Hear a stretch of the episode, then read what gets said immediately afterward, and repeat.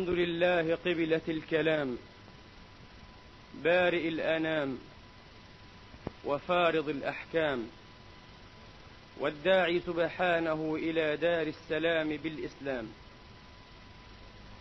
نشهد أن لا إله إلا الله وحده لا شريك له. شهادة تشفي الأوام وتقشع الظلام. وتكون لنا العدة الواقية في حشرجة الأنفس وسكرات الحمام. ونشهد أن سيدنا وحبيبنا ونبينا محمدا عبد الله ورسوله النبي العربي الأمي الذي كرم بني آدم بنعمة الإسلام وجنبهم عبادة الأصنام وسنمهم من التوحيد نعمة دائمة لا تريم وذروة عالية لا ترام. النبي الذي تمخض لظهوره الكون قبل أن تلج الأيام في الليالي والليالي في الأيام. والذي نثر بدعوته يافوخ الشرك نثرا ليس له من بعده نظام. والرسول الذي بلغت به الرسالة أمدها الأقصى فانطوت من بعده الصحف الإلهية وجفت الأقلام فليس وراء الله مذهب ولا بغير حبه سبحانه هيام. صلى الله تعالى عليه وسلم صلاة لباسها الدوام وشعارها اللزام. وسلم سلاما نفحه الرند ونشره الخزام. يا رب صل وسلم. يا رب صل وسلم ما أردت على نزيل عرشك خير الرسل كلهم. محيي الليالي لا يقطعها إلا بدمع من الإشفاق منسجم. مسبحا لك جنح الليل محتملا. ضرا من السهد أو ضرا من الورم. ورضي الله تعالى عن آله وأصحابه نجوم الهدى وبدور التمام. وأنصاره الذين ألزمهم كلمة التقوى وكانوا بها أحق الأنام. وعلى التابعين وتابعيهم بإحسان على التمام. عباد الله أوصيكم ونفسي الخاطئة بتقوى الله العظيم ولزوم طاعته. كما أحذركم وأحذر نفسي من عصيانه ومخالفة أمره لقوله سبحانه من قائل من عمل صالحا فلنفسه ومن أساء فعليها وما ربك بظلام للعبيد. أما بعد أيها الإخوة المسلمون الأفاضل فيقول الله سبحانه وتعالى في الذكر الحكيم والنظم الكريم. بعد أن أعوذ بالله من الشيطان الرجيم بسم الله الرحمن الرحيم. سبحان الذي أسرى بعبده ليلا من المسجد الحرام إلى المسجد الأقصى الذي باركنا حوله لنريه من آياتنا. إنه هو السميع البصير. أريد إن شاء الله سبحانه أن أستكمل في هذه الحلقة الأخيرة. الكلام حول أسرار هذه الرحلة المعجبة رحلة الغيب والشهادة إنها رحلة الإسراء والمعراج. أخرج الإمام البخاري ومسلم والإمام الترمذي والنسائي رضي الله تعالى عنهم من حديث مالك بن أنس من حديث أنس بن مالك الذي يرويه عن مالك بن صعصعة رضي الله تعالى عنهما من حديث الإسراء والمعراج الطويل الذي يقول في آخره النبي عليه الصلاة وأفضل السلام ثم رفعت إلى البيت المعمور ثم أوتيت بإناء من خمر وإناء من لبن وإناء من عسل والمعنى فخيرت بينها. وإناء من عسل. قال فاخترت اللبن أي الإناء الذي فيه اللبن. فقال يعني جبريل عليه الصلاة وأفضل السلام. فقال اخترت الفطرة التي عليها أنت وأمتك. فمحمد هو نبي الفطرة وأمته هي أمة الفطرة والتوحيد. اخترت الفطرة التي عليها أنت وأمتك. ثم فرضت علي الصلاة. خمسين صلاة كل يوم. ثم رجعت فمررت على موسى عليه الصلاة وأفضل السلام أو قال بموسى عليهما الصلوات والتسليمات. فقال موسى عليه السلام بما أمرت؟ قال عليه الصلاة وأفضل السلام أمرت بخمسين صلاة كل يوم. فقال موسى إني والله إن أمتك لا تستطيع خمسين صلاة كل يوم. وإني والله قد جربت الناس قبلك وعالجت بني إسرائيل أشد المعالجة. وعالجت بني إسرائيل أشد المعالجة. فارجع إلى ربك فاسأله التخفيف لأمتك يعني على أمتك. يقول عليه الصلاة وأفضل السلام فرجعت فوضع عني عشرا ثم رجعت على موسى فقال مثل قوله أي قال مثل قوله الأول قال فرجعت فوضع عني عشرا أي عشرا أخرى فرجعت إلى موسى فقال مثل قوله فرجعت فوضع عني عشرا ثم رجعت إلى موسى فقال مثل قوله فرجعت. أي رجع في المرة الرابعة فهي أربع مرار أو أربع مرات فرجعت أي في المرة الرابعة فقال أي سبحانه وتعالى هي خمس صلوات. يعني حط عنه في هذه المرة خمس عشرة صلاة. خمس عشرة صلاة. قال هي خمس صلوات. قال فرجعت. فمررت على موسى عليه الصلاة وأفضل السلام. فقال بما أمرت؟ هنا استفصله كما استفصله في المرة الأولى. أي سأله مستفصلا. وفي المرات الثلاثة البوائن أي فيما بين السؤالين لم يستفصل. لخص النبي المقام أو لم يستفصله موسى والله تعالى أعلم بحقيقة الحال. قال بما أمرت؟ قلت أمرت بخمس صلوات كل يوم. قال موسى عليه الصلاة وأفضل السلام إن أمتك لا تستطيع خمس صلوات كل يوم وإني قد جربت الناس ولم يحلف هنا لم يقول وإني والله وإني قد جربت الناس قبلك. وعالجت بني إسرائيل أشد المعالجة فارجع إلى ربك فاسأله التخفيف لأمتك. يقول عليه الصلاة وأفضل السلام مخاطبا موسى إني سألت ربي حتى استحييت. استحيا لغة في استحى وهي أبلغ. إن الله لا يستحيي أن يضرب مثلا ما. إني سألت ربي حتى استحييت أي أصابني الخجل والحياء ولكن أرضى وأسلم. قال عليه الصلاة وأفضل السلام فلما جاوزت جاوزت هذا المستوى وهذا المقام. فلما جاوزت وظاهره أنه كان في السماء السادسة لأنه مر على موسى وموسى في السادسة عليه الصلاة وأفضل السلام.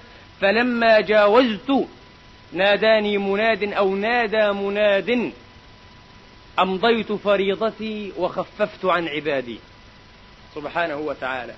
أمضيت فريضتي وخففت عن عبادي يفسر هذا ما ورد في أحاديث صحيحة أخرى أنها خمس مكتوبات وهي في الأجر. هذه الخمس وهي في الأجر أجرها كخمسين. أجرها كخمسين أي تجزء عن خمسين. فهذا من رحمة الله بهذه الأمة المحمدية المصطفوية البرة المرحومة. رحمني الله وإياكم. والآن نعلم جميعا أنه في جار العادات. بين الناس في جميع الأوقات أن المسافر إذا قفل راجعا وآب عائدا من سفرته عاد وقفل وآب بأنواع المحمولات والتحف ليتحف بها أحبابه وأصحابه. فماذا كانت تحفة محمد عليه الصلاة وأفضل السلام من هذه السفرة العجيبة؟ من هذه السفرة التي استغرقت الأكوان جميعا ووصل بها إلى منقطع الأين حيث لا حيث وحيث لا متى. عاد محمد عليه الصلاة وأفضل السلام بأعظم تحفة بحبل بوصلة تصل العبد بربه. كانت تحفته الصلاة عليه الصلاة وأفضل السلام. أريد أن أبحث في سر ذلكم. لماذا عاد محمد عليه الصلاة وأفضل السلام؟ ولله الأمر من قبل ومن بعد. لماذا عاد وكانت الصلاة تحفته؟ لماذا الصلاة بعينها؟ ولماذا الصلاة في هذه الرحلة بالذات؟ يقول الأئمة المحققون والعلماء العارفون نفعني الله وإياكم بأنفاسهم وأعاد علي وعليكم من بركاتهم. يقولون ذلكم لمناسبة واضحة بين رحلة المعراج في معاريجها المختلفة وبين الصلاة في ذاتها فهي معراج العارفين. الصلاة معراج كما كان لنبينا ورسولنا عليه الصلاة وأفضل السلام تلكم المعاريج المتعددة. فالصلاة أيضا معراج يعرج فيه العبد إلى ذي الجلال والإكرام في هذه الدنيا قبل النشأة الآخرة. الصلاة معراج العارفين. وتفصيل هذا القيل إليكم بيانه. تعلمون أنه عليه الصلاة وأفضل السلام كان له معراجان. كان له معراجان. المعراج الأول من عالم الشهادة إلى عالم الغيب. وقد فصل وذكر في الخطب السابقة. وشيء من أسراره. والمعراج الثاني من عالم الغيب إلى عالم غيب الغيب. إلى عالم غيب الغيب. هذا العالم الذي لا يدريه ولا يعلمه الأنبياء ولا الملائكة ولا أحد من خلق الله. لم يرفع إليه إلا محمد عليه الصلاة وأفضل السلام. لم يرفع إليه إلا نبينا عليه الصلاة وأفضل السلام. نعم. وكذلكم هذه الصلاة. فيها معراجان. معراج جسماني ومعراج روحاني. معراج جسماني ومعراج روحاني. فالمعراج الجسماني بالأفعال والمعراج الروحاني بالأفكار والأذكار. والمعراج الروحاني بالأفكار والأذكار. فإذا أردت عبد الله فإذا أردت عبد الله أن تعرج في هذا المعراج فطهر اولا باطنك وظاهرك. لأنك بمقام القدس لأنك بمقام القدس وجعلت لي الأرض مسجدا وطهورا. وجعلت لي الأرض مسجدا وطهورا بشرطه المفصل في كتب الفقه والفروع. فإنك بمقام القدس إنك في مقام تناجي فيه ربك سبحانه وتعالى. إنك في مقام ينظر الله عز وجل إليك فيه. روى الإمام أحمد وأبو داود والنسائي رضي الله تعالى عنهم مرفوعا من قول النبي الأكرم عليه الصلاة وأفضل السلام. إن الله لا يزال مقبلا على العبد في صلاته وفي روايات مقبلا بوجهه سبحانه وتعالى. إن الله لا يزال مقبلا على العبد في صلاته ما لم يلتفت أي ما لم يلتفت العبد فإذا التفت انصرف الله عنه. وفي حديث آخر يقول الله سبحانه وتعالى إلى من؟ إلى من أو إلى ماذا تلتفت؟ إلى من هو خير مني؟ فهو مقام القدس. إنك بالوادي المقدس طوى. إذا علينا أن نطهر بواطننا وأن نطهر ظواهرنا تماما وبالكلية حتى نكون مصلين. إذا أردنا أن نصلي كما أراد الله وكما يحب سبحانه منا فعلينا أن نطهر الظاهر والباطن لأننا في مقام قدس في, مكا في مقام نزاهة في مقام طهور وطهارة. ثم بعد ذلك قف وارفع يديك. فإذا رفعت يديك فاعلم أنها إشارة إلى توديع النشأتين وإلى التخلص عن الدارين دار الدنيا ودار الآخرة. اترك كل شيء من قلبك بالكلية واجمع قلبك ما استطعت. نسأل الله عز وجل أن يجمع عليه سبحانه همنا. فمن جعل الهم هما واحدا كفاه الله هو والدنيا جميعا. ومن تشعبت به همومه لا يبالي الله بأي واد هلك والعياذ بالله. اجمع قلبك بالكلية على رب العزة لا دنيا ولا أخرى. قيل للعارف الإمام الرباني سيدي عبد القادر الجيلاني الإمام الفقيه الحنبلي الشافعي ولي الله تعالى بلا نزاع رضي الله تعالى عنه وأرضاه. قيل له لم نرى الذباب يسقط عليك. وكانت هذه إحدى معجزات رسول الله التسع الشهيرة التي اختص بها من بين الناس عليه الصلاة وأفضل السلام. وبعض معاجز الأنبياء يصح أن تكون كرامات لأولياء. لشرف الاتباع. لشرف الاتباع. قيل له لم نرى الذباب يسقط عليك فقال وماذا يفعل عندي وليس عندي شيء من عسل الدنيا ولا دبس الآخرة؟ ليس في قلبي إلا الله لا إله إلا الله. سبحانه ذي الجلال والإكرام. نعم.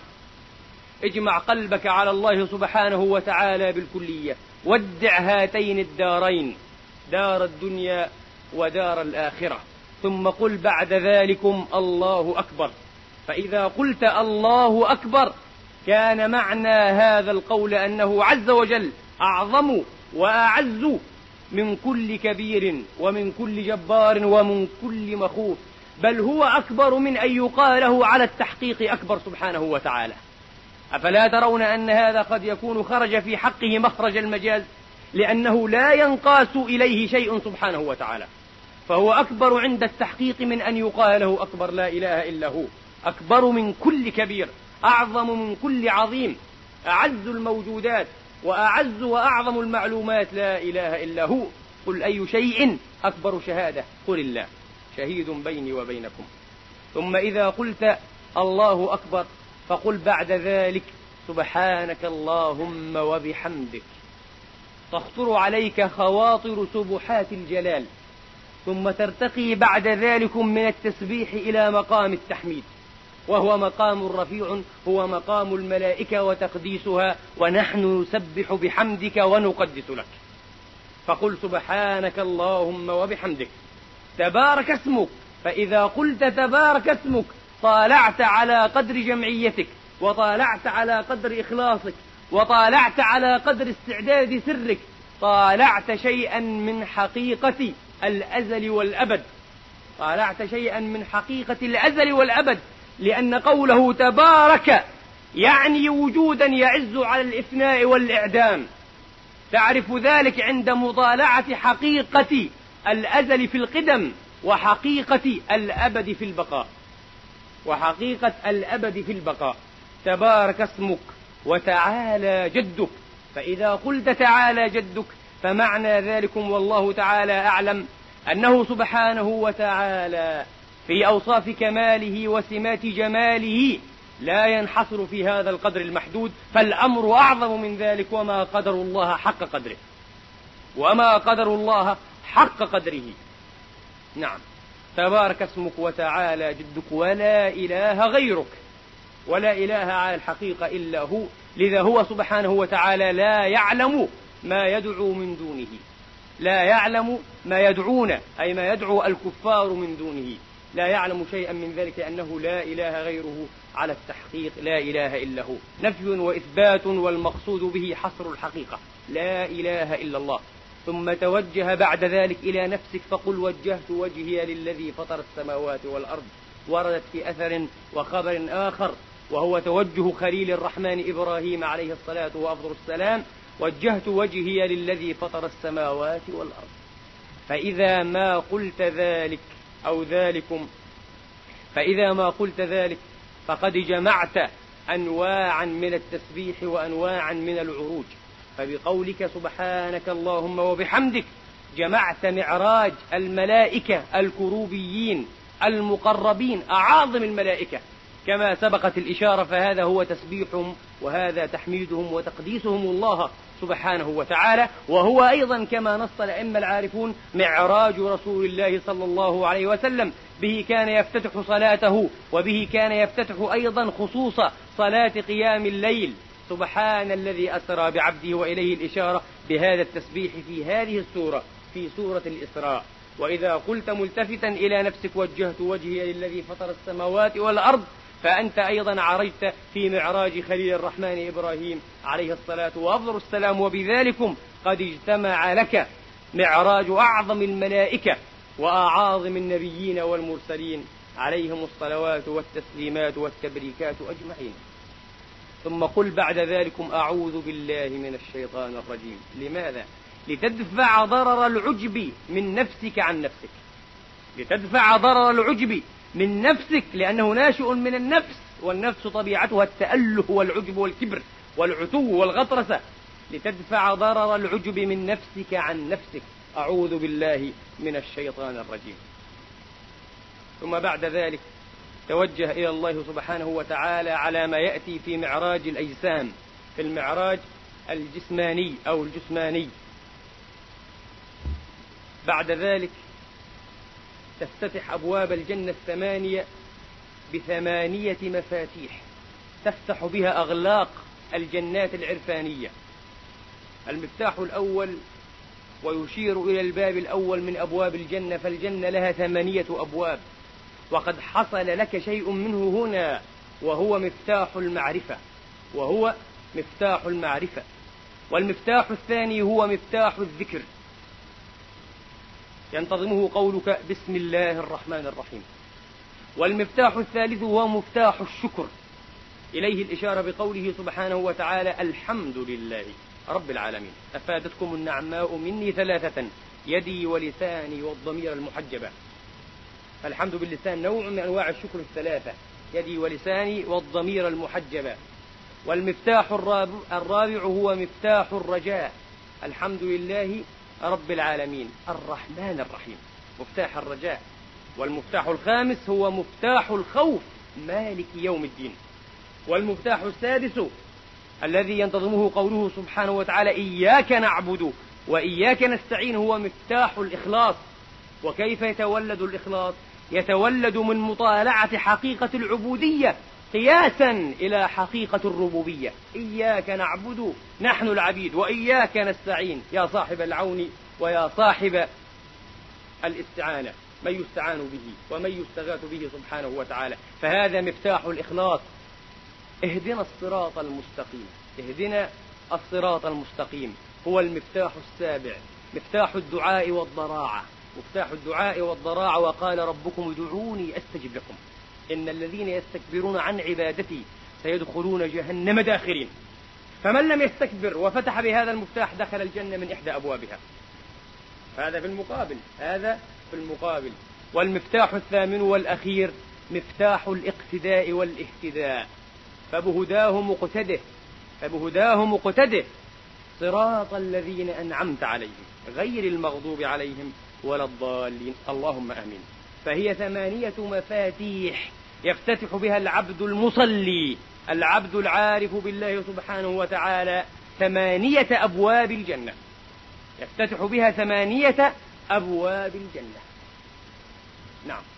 ثم بعد ذلك في معراج الأجسام. إذا قمت لله فقم قيام أصحاب الكهف بين يدي الله. إذ قاموا فقالوا ربنا رب السماوات والأرض بل قم قيام أهل القيامة يوم يقوم الناس لرب العالمين. ترون كيف يكون حال قيامهم بين يدي رب العالمين سبحانه. أخرج الإمام أحمد في رسالته السنية في الصلاة وأحكامها وآدابها قال وقد جاء في الحديث أن الله سبحانه وتعالى أوحى لعيسى بن مريم عليهما السلام يا عيسى ابن مريم إذا قمت بين يدي فقم قيام الحقير الذليل الذام لنفسه فإنها أولى بالذم. وإذا سألتني ودعوتني فدعوني وأعضاؤك تنتفض. فهذا قيام الأجسام من معراج الأجسام. قوموا قيام أصحاب الكهف قيام عيسى بن مريم والمرسلين والمخلصين والمخلصين وقوموا قيام أهل القيامة يوم يقوم الناس لرب العالمين. فهذا القيام. ثم بعد ذلك يحصل لك ما يحصل لخشبة جافة عرضتها على نار خوف الجلال بالركوع. اركعوا واسجدوا واعبدوا ربكم لعلكم تفلحون. بالركوع. هذه خشبة قاسية. قستها الذنوب أو قست بالجرائم والجرائر.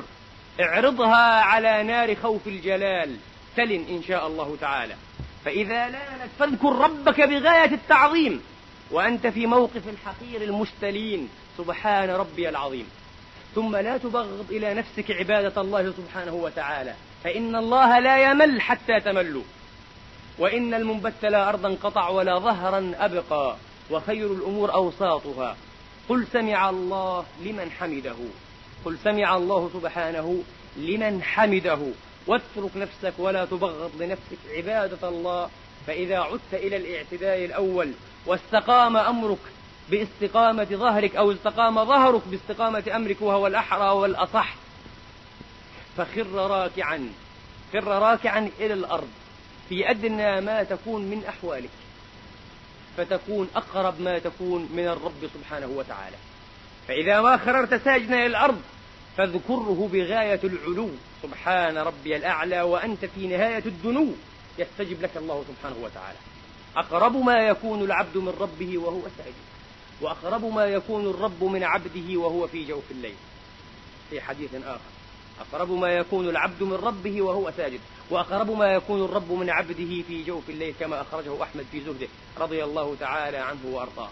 فإذا جئت بالسجود الثاني فقد حصل لك ثلاث أنواع ثلاثة أنواع من العبادات ركوع وسجودان تدفع بهما عن نفسك ثلاث مهلكات أي ثلاثة أمور مهلكات مرديات تدفع بالركوع تدفع بالركوع هلكة الشهوات وتدفع بالسجود الأول هلكة الغضب والذي هو رئيس المؤذيات. لا تغضب لا تغضب لا تغضب لأن من كان هذا مقامه لا يغضب لأن من كانت هذه مثابته لا يتكبر ولا يتجبر ولا يأخذه نوع من الحد على ضعاف عباد الله. وبالسجود الثاني تدفع عن نفسك هلكة الهوى الشهوات والغضب والهوى. فإذا تخلصت عن هذه الكدورات وقطعت هذه العقبات الثلاث ملكت الباقيات الصالحات. ملكت الباقيات الصالحات. وصرت مقربا من مقام جلال مدبر الأرض والسماوات سبحانه وتعالى. فحينئذ توجه إليه بجمعية وقل التحيات المباركات الصلوات الطيبات لله. فالتحيات المباركات باللسان والصلوات بالأركان وبقوة الإيمان والطيبات بالجنان والطيبات بالجنان. ولا تكون طيبات إلا بالجنان. التحيات المباركات الصلوات الطيبات لله. فإذا صرت في هذا المقام مرتفعا صعد نور روحك ونزل روح محمد عليه الصلاة وأفضل السلام. ولا بد لروح الحبيب الأكرم والخير الأعظم من تحية. فتوجه إليه متصاغرا بهذه التحية. السلام عليك أيها النبي ورحمة الله تعالى وبركاته. ليجيبك عليه الصلاة وأفضل السلام. السلام علينا وعلى عباد الله الصالحين. فإذا قيل لك هذه المثابة وهذه الخيرات وهذه الخصائص والميزات بأي وسيلة توصلت إليها ومن أي سبيل سلكت إليها فقل بقول أشهد أن لا إله إلا الله وأن محمدا عبده ورسوله. بالتوحيد مفتاح الجنة ومفتاح كل خير ومدفع كل ضير في الدنيا والآخرة. ما أعظم ولا أكرم ولا أجل منه. فإذا قيل لك فهذا التوحيد وهذه الحقيقة قد هداك إليها وإلى الله محمد عليه الصلاة وأفضل السلام. فما هديتك إليه يا عبد الله؟ فقل اللهم صل على محمد وعلى آل محمد. فيقال لك أو قد يقال لك فإبراهيم عليه الصلاة وأفضل السلام هو الذي رغب إلى الله في أن يبعث إليك هذا النبي الكريم هذا الرسول الأمين. ربنا وابعث فيهم رسولا منهم يتلو عليهم آياتك ويعلمهم الكتاب والحكمة ويزكيهم إنك أنت العزيز الحكيم. فما جزاؤك له؟ فقل جزائي له هو هذا القول كما صليت على إبراهيم وعلى آل إبراهيم وكذا في التبريك. فإذا قيل لك فهذه الفضائل والعطايا أمن إبراهيم أو من محمد أو ممن إذا فقل من الحميد المجيد. إنها من الحميد المجيد سبحانه وتعالى. إنك حميد مجيد. لأن الأمر لله من قبل ومن بعد له الحمد في الأولى والآخرة وله الحكم وإليه يرجعون سبحانه وتعالى. فإذا ذكرت الله بهذه المحامد وهذه الأثنية إذا ذكرت الله بهذه المحامد ومجدته بهذه المماجد والأثنية ذكرك الله في محافل الملائكة. وإليه الإشارة بقوله سبحانه وتعالى في الحديث القدسي وإذا ذكرني في ملأ ذكرته في ملأ خير منهم. ذكرته في ملأ خير منهم يعني سبحانه وتعالى ملأ الملائكة ومحافل الأملاك العليا ومحافل الأملاك العليا. فيقال لك قد اشتاقت إليك أرواح هذه الملائكة لما ضاع من أريج ذكرك في محافلهم العليا. فجاءوا إلى زيارتك والتقرب منك وإليك فما هي تحيتك لهم؟ فقل السلام عن يمينك السلام عليكم ورحمة الله وبركاته. وقل عن يسارك أيضا السلام عليكم ورحمة الله. وبهذا تكون أو يكون قد تم لك معراجان معراج الأرواح ومعراج الأجساد أسأل الله سبحانه وتعالى أن يعرفنا بنفسه وأن يفقهنا في دينه وأن يجعلنا من المصلين الذين يحافظون على صلاتهم وهم عليها دائمون. إنه ولي ذلك والقادر عليه. أقول قولي هذا وأستغفر الله لي ولكم فاستغفروه إنه غفور بر تواب رحيم. الحمد لله رب العالمين والعاقبة للمتقين ولا عدوان إلا على الظالمين. وأشهد أن لا إله إلا الله وحده لا شريك له الملك الحق المبين. وأشهد أن سيدنا محمدا عبده ورسوله الصادق الوعد الأمين. صلى الله تعالى عليه وعلى آله الطيبين وصحابته المباركين وأتباعهم بإحسان إلى يوم الدين. عباد الله اعلموا أن الله سبحانه وتعالى قد أمركم بأمر بدأ فيه بنفسه ثم ثنى فيه بملائكة عرشه وقدسه فقال جل من قائل مخبرا وآمرا إن الله وملائكته يصلون على النبي. يا أيها الذين آمنوا صلوا عليه وسلموا تسليما. لبيك اللهم صل على محمد وعلى آل محمد كما صليت على إبراهيم وعلى آل إبراهيم وبارك اللهم على محمد وعلى آل محمد كما باركت على إبراهيم وعلى آل إبراهيم في العالمين إنك حميد مجيد. اللهم إنا نسألك الهدى والتقى والعفاف والغنى. اللهم أعنا على ذكرك وشكرك وحسن عبادتك. ربنا آتنا في الدنيا حسنة وفي الآخرة حسنة وقنا عذاب النار. اللهم أصلح لنا شأننا كله ولا تكلنا إلى أنفسنا طرفة عين. ولا إلى أحد من خلقك يا حي يا قيوم. لا تدع لنا في هذا اليوم الكريم ذنبا إلا غفرته. ولا هما إلا فرجته. ولا كربا إلا نفسته. ولا ميتا إلا رحمته. ولا مريضا إلا شفيته. ولا غائبا إلا رددته. ولا مدينا إلا قضيت عنه دينه. ولا أسيرا إلا أحسنت فكاكه. ولا حاجة لنا فيها صلاح ولك فيها رضا من حوائج الدنيا والآخرة إلا أعنت على قضائها. بلطفك ومنك إلهنا ومولانا رب العالمين. اللهم اقسم لنا من خشيتك ما تحول به بيننا وبين معاصيك ومن طاعتك ما تبلغنا به جنتك ومن اليقين ما تهون به علينا مصائب الدنيا. ولا تجعل مصيبتنا في ديننا ولا تجعل الدنيا أكبر همنا ولا مبلغ علمنا. ولا تسلط علينا من لا يخافك ولا يرحمنا. اللهم لا تشمت بنا الأعداء ولا تجعلنا في القوم الظالمين. ربنا اغفر لنا ولوالدينا وارحمهم كما ربونا صغارا. اجزهم بالإحسان إحسانا وبالسيئات غفرانا. اللهم انصر الإسلام والمسلمين وأعلي بفضلك كلمتي الحق والدين. اللهم انصر من نصر الموحدين ودحر من خذل المسلمين. اللهم من أراد بالإسلام وبالمسلمين خيرا فكن له خير معين. ومن أراد به وبهم شرا ومكرا فامكر له يا رب العالمين فإنه لا يفوتك ولا يعجزك. إلهنا ومولانا رب العالمين. عباد الله إن الله يأمر بالعدل والإحسان وإيتاء ذي القربى وينهى عن الفحشاء والمنكر والبغي. يعظكم لعلكم تذكرون فستذكرون ما أقول لكم وأفوض أمري إلى الله. إن الله بصير بالعباد. قوموا إلى صلاتكم يرحمني ويرحمكم.